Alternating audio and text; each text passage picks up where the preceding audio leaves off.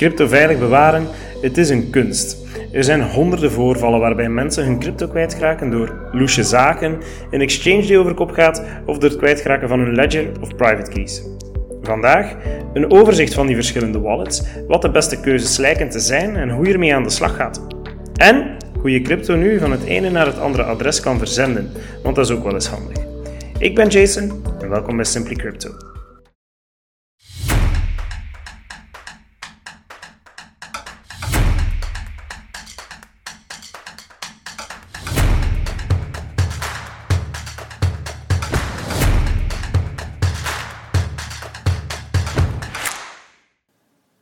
Eerst en vooral mijn excuses als jullie last hebben van een beetje achtergrondlawaai. Het is zo dat ik omgeven ben door een aantal kinderen en ik hoop dat het niet te lastig gaat worden tijdens deze podcast. Als je crypto hebt aangekocht, wil je dat die veilig staat en dat die op een makkelijke, duidelijke manier toegang krijgt tot je crypto. Er zijn eigenlijk tal van mogelijkheden om crypto te bewaren en de ene is eigenlijk beter dan de andere. Ik start met de verschillende opties te overlopen en geef ook duiding waarom ze al dan niet een goede optie zijn, maar wel duidelijk zijn, alles berust opnieuw op mijn persoonlijke mening en is geen financieel advies. En als je crypto koopt, dan komt die terecht op de wallet van je exchange zelf. En dat is het eerste dat je moet weten, die komt daarop terecht. Dit is wat dat wij onder de noemer hot wallets durven plaatsen. Dus die eerste categorie die ik bespreek, de hot wallets. Ze zijn met name alleen maar beschikbaar als je internet hebt. Vandaar de naam hot. Maar vergis je niet, dat geld is nog niet 100% van jou, aangezien jouw exchange de portefeuille of de wallet nog beheert. Is dat dan wel een goede optie? Wel, over het algemeen kan je zeker je geld eventjes laten staan, maar als er problemen zijn met de exchange, dan verlies je gewoon je geld. Als de exchange om de een of andere, al dan niet loesje reden beslist om het onmogelijk te maken om je geld te transfereren, ja, dan ben je gewoon niets met je investering. Bij dit voorbeeld van hot wallets is het deel van jouw veiligheidssleutel online bewaard. En dit wil zeggen dat je mogelijk kan gehackt worden. we hebben het over veiligheidssleutels en daarvoor moet je twee begrippen begrijpen, namelijk public keys en private keys. Public keys zijn vergelijkbaar met een soort van bankrekeningnummer, zoals dat je dat nu ook kent, dat je met anderen kan delen om geld te ontvangen. Het is eigenlijk een hele lange code die, als je wil, jezelf persoonlijk kan maken. Het is belangrijk om te weten dat die public keys geen risico vormen voor de veiligheid van je crypto. Het is gewoon je adres waar het geld op toekomt. Private keys daarentegen zijn, zoals dat het woord zegt, jouw persoonlijke code. Dus dit is echt wel een heel belangrijk stuk, deze private keys, want ik heb dat ook in een vorige aflevering al aangehaald. En dat is eigenlijk een woordcode van verschillende woorden die je moet neerschrijven bij het aanmaken van elke wallet. Je moet die dan, als je ze wilt gebruiken, ook op volgorde opnieuw ingeven. Bewaar deze offline, want online kan altijd alles gehackt worden. Zelfs een foto is voldoende. De private key zorgt ervoor dat je steeds op je account kan. Ook als je standaard wachtwoord kwijt bent. Maar als je private keys kwijt bent, dan loop je een enorm groot risico om je crypto kwijt te geraken. En bij een hot wallet, zoals een exchange, zoals eerder gezegd, dan blijven die private keys online beschikbaar. Soms worden die door een exchange zelf beheerd. En dat is alles behalve veilig. Vandaar een hele belangrijke en populaire leuze in de cryptowereld: Not your keys, not your crypto. Heel simpel maar wel realiteit.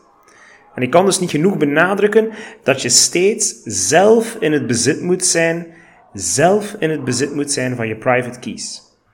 Zorg dus dat je een portefeuille hebt waar je eenmalig die code tevoorschijn krijgt en dat je die dan kan opschrijven, opnieuw ingeven om te testen of die klopt. En dan wordt die eigenlijk niet meer vertoond en kan die via de wallet zelf ook niet meer beschikbaar gemaakt worden. Het is dat type wallet dat je moet zoeken. Maar om de eerste conclusie te treffen, ja, je kan geld op een exchange laten staan, maar het is erg risicovol en haal het steeds weg als je het van plan bent om in de lange termijn te investeren. Cold wallets dan? Want cold wallets is het tegenovergestelde. Dit zijn portemonnees die niet verbonden zijn met het internet. Dat wil zeggen dat ze een extra beveiligingslaag hebben, omdat je privésleutels offline worden bewaard, namelijk bij jou. Cold wallets zijn ideaal voor het opslaan van grote hoeveelheden cryptogeld voor op de lange termijn. En er zijn verschillende vormen van cold wallets die ik nu eens ga bespreken. De eerste zijn paper wallets um, of offline software wallets. Een goed voorbeeld daarvan is uh, wel gekend in de cryptowereld, is bijvoorbeeld Metamask. Dat is een wallet die je aanmaakt waarbij dat je de persoonlijke code hebt en die alleen maar beschikbaar is, wel online, maar je sleutels bewaar je offline. Het wordt niet beheerd door de centrale instantie en is relatief veilig. Hardware wallets is de veiligste optie van allemaal. Dat zijn eigenlijk um, de meest populaire vormen van cold wallets. Dus het is een apparaatje, een klein apparaat. Het lijkt op een USB-stick en het biedt een veilige manier om je cryptogeld op te slaan. Tot op dit moment ken ik geen betere wallet op dat vlak als de Ledger en dan met name nog de Ledger Nano X.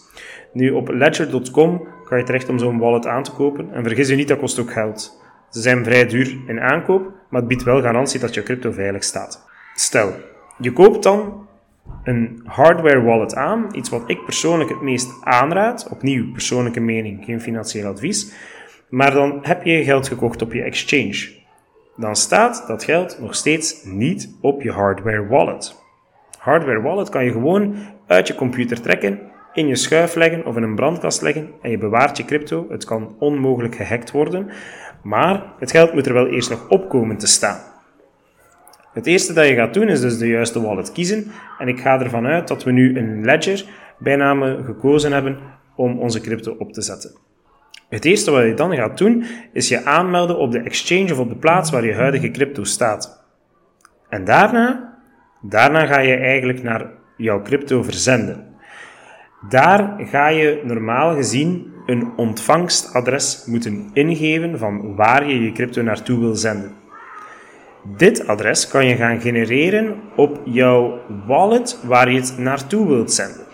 Dat wil zeggen, ik wil van Exchange A naar mijn ledger mijn geld zetten, dan ga ik naar mijn ledger het ontvangstadres gaan zoeken voor die specifieke munt en ik benadruk die specifieke munt. Dat wil zeggen, Bitcoin heeft een apart adres en dat moet verstuurd worden via het Bitcoin-netwerk. Ethereum heeft een apart adres en dat moet verzonden worden via het Ethereum-netwerk. Cardano heeft een apart adres en moet verzonden worden via het Cardano-netwerk. Dus je moet zorgen dat je het juiste adres hebt. En dan ga je terug naar de plaats waar je crypto staat en je geeft dat ontvangstadres in. Stel nu voor dat je werkt via Binance, dan gaat dat automatisch geïntegreerd worden. Dat wil zeggen dat er gaat aangeduid worden dat als jij een bepaald adres ingeeft, dan gaat Binance automatisch bevestigen of dat inderdaad een correct adres is op die blockchain. Stel je nu eens voor dat je een slecht adres hebt ingegeven of er is één cijfertje verkeerd, dan ben je gewoon je crypto kwijt als je toch verzendt. Dus je moet heel goed controleren wanneer je iets verzendt. Dus op dit moment zit je op de exchange en dan geef je eigenlijk de unieke code, het unieke gegenereerde adres in van waar je het naartoe wilt zenden.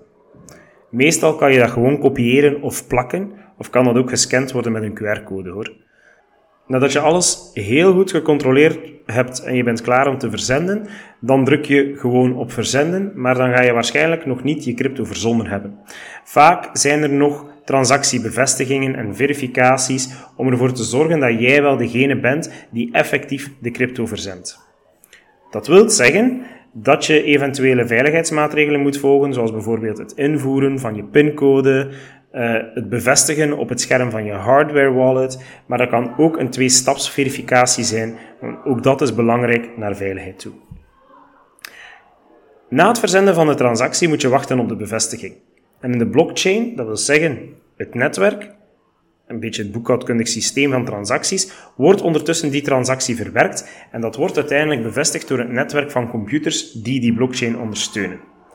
En dat kan even duren, afhankelijk van het netwerk, het tijdstip en de drukte. Vergelijk het met een file. Het kan zijn dat het op het ene moment sneller gaat en op het andere moment minder snel gaat, afhankelijk van hoeveel verkeer er is. In de meeste wallets kan je wel de transactiegeschiedenis bekijken om de status van je transactie te controleren.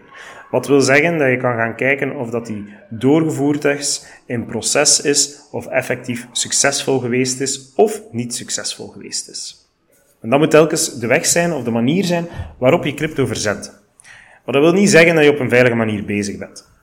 Als je alles goed controleert, daaraan toe, maar je kan eigenlijk nog een extra aantal stappen zetten om ervoor te zorgen dat je de meest veilige manier van werken hebt bij crypto. Dus een aantal tips. De eerste is het maken van een backup van je wallet. Dat is eigenlijk essentieel om regelmatig een backup te maken van je wallet en ook van de bijhorende private keys, want dit zorgt ervoor dat je cryptogeld kan herstellen als je je wallet verliest of als deze beschadigd raakt. Een backup is dus belangrijk, zeker ook bij die hardware wallets. Nog belangrijk is als je met bepaalde software werkt, op bijvoorbeeld die ledgers, die hardware wallets, is het belangrijk om je software up-to-date te houden. Zorg ervoor dat je altijd de laatste nieuwe versie van je wallet software gebruikt, want ze brengen regelmatig updates uit om veiligheidsproblemen aan te pakken en nieuwe functies toe te voegen.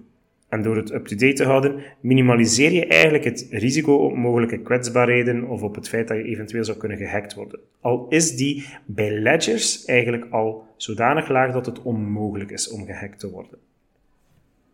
Gebruik supersterke wachtwoorden en twee-staps verificatie. Waarom? Omdat het belangrijk is om unieke wachtwoorden te gebruiken voor je wallet. Um, en die twee-stapsverificatie is altijd handig, gewoon als extra veiligheidsmaatregel. Dat wil zeggen dat je een extra code gaat moeten ingeven die via je gsm, via Google Authenticator of via iets SME of via iets anders kan gegenereerd worden op het moment zelf. Hoe meer veiligheidslagen dat je toevoegt aan je accounts, hoe minder kans dat iemand die probeert je crypto te stelen, um, kans heeft om te slagen. Nog een hele belangrijke is dat je heel voorzichtig bent met phishing en malware. Ook via e-mails, let op uh, loesje e-mails, verwijder die gewoon direct. En blijf gewoon alert voor die phishing-pogingen en malware, want er zijn heel veel uh, mogelijke manieren om op die manier het geld te stelen dat jij geïnvesteerd hebt. Zorg ervoor dat je bijvoorbeeld alleen maar wallets downloadt van vertrouwde bronnen. Dus doe altijd je controlewerk als je een bepaalde app of als je een bepaalde wallet wil gaan installeren. Controleer ook altijd de URL van de website of controleer het afzendadres van een bepaald e-mailadres dat je ontvangt. Het zijn standaard dingen die de meeste mensen wel gewoon zijn om te doen, maar toch, er blijven slachtoffers vallen. Dus het kan ook niet genoeg herhaald worden. Onderzoek de wallet en exchange beveiliging. Als je dan toch via een exchange wil werken, omdat je heel veel trade bijvoorbeeld, um, dan kan het handig zijn om alles op een exchange te gaan bewaren, maar zorg dan ook dat je checkt in hoeverre dat de exchange beveiligd zit. Nou, als je bijvoorbeeld gebruik maakt van een wallet app of een cryptocurrency exchange, dan is het verstandig om eens goed te kijken naar hun maatregelen, maar ook naar protocollen zoals cold storage, um, of dat je de mogelijkheid hebt om uh, twee-factor authentificatie te hebben en hoe dat het zit met verificatieprocessen zoals bij het aanmaken van je account je ID doorsturen enzovoort. En naast deze kleine tips en tricks vat ik nog eens eventjes alles samen wat we vandaag gezien hebben.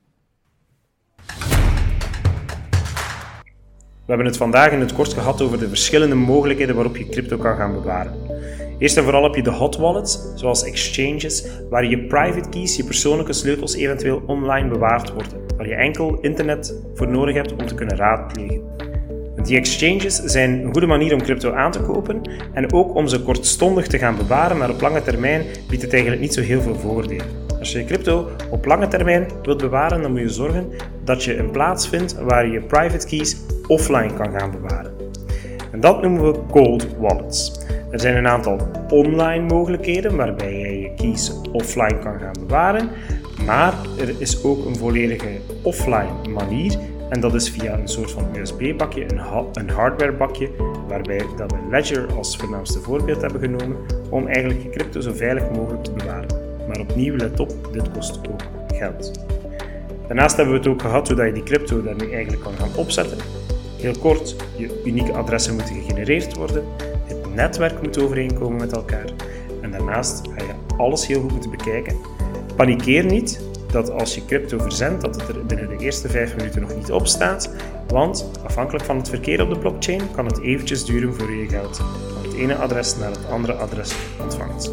En om nog eventjes de korte tips herhalen, om je crypto-activa eigenlijk nog veiliger te gaan bewaren, waaronder het regelmatig maken van backups, het up-to-date houden van je software, Gebruik vooral ook sterke wachtwoorden en twee-stapsverificatie en vermijd phishing en malware.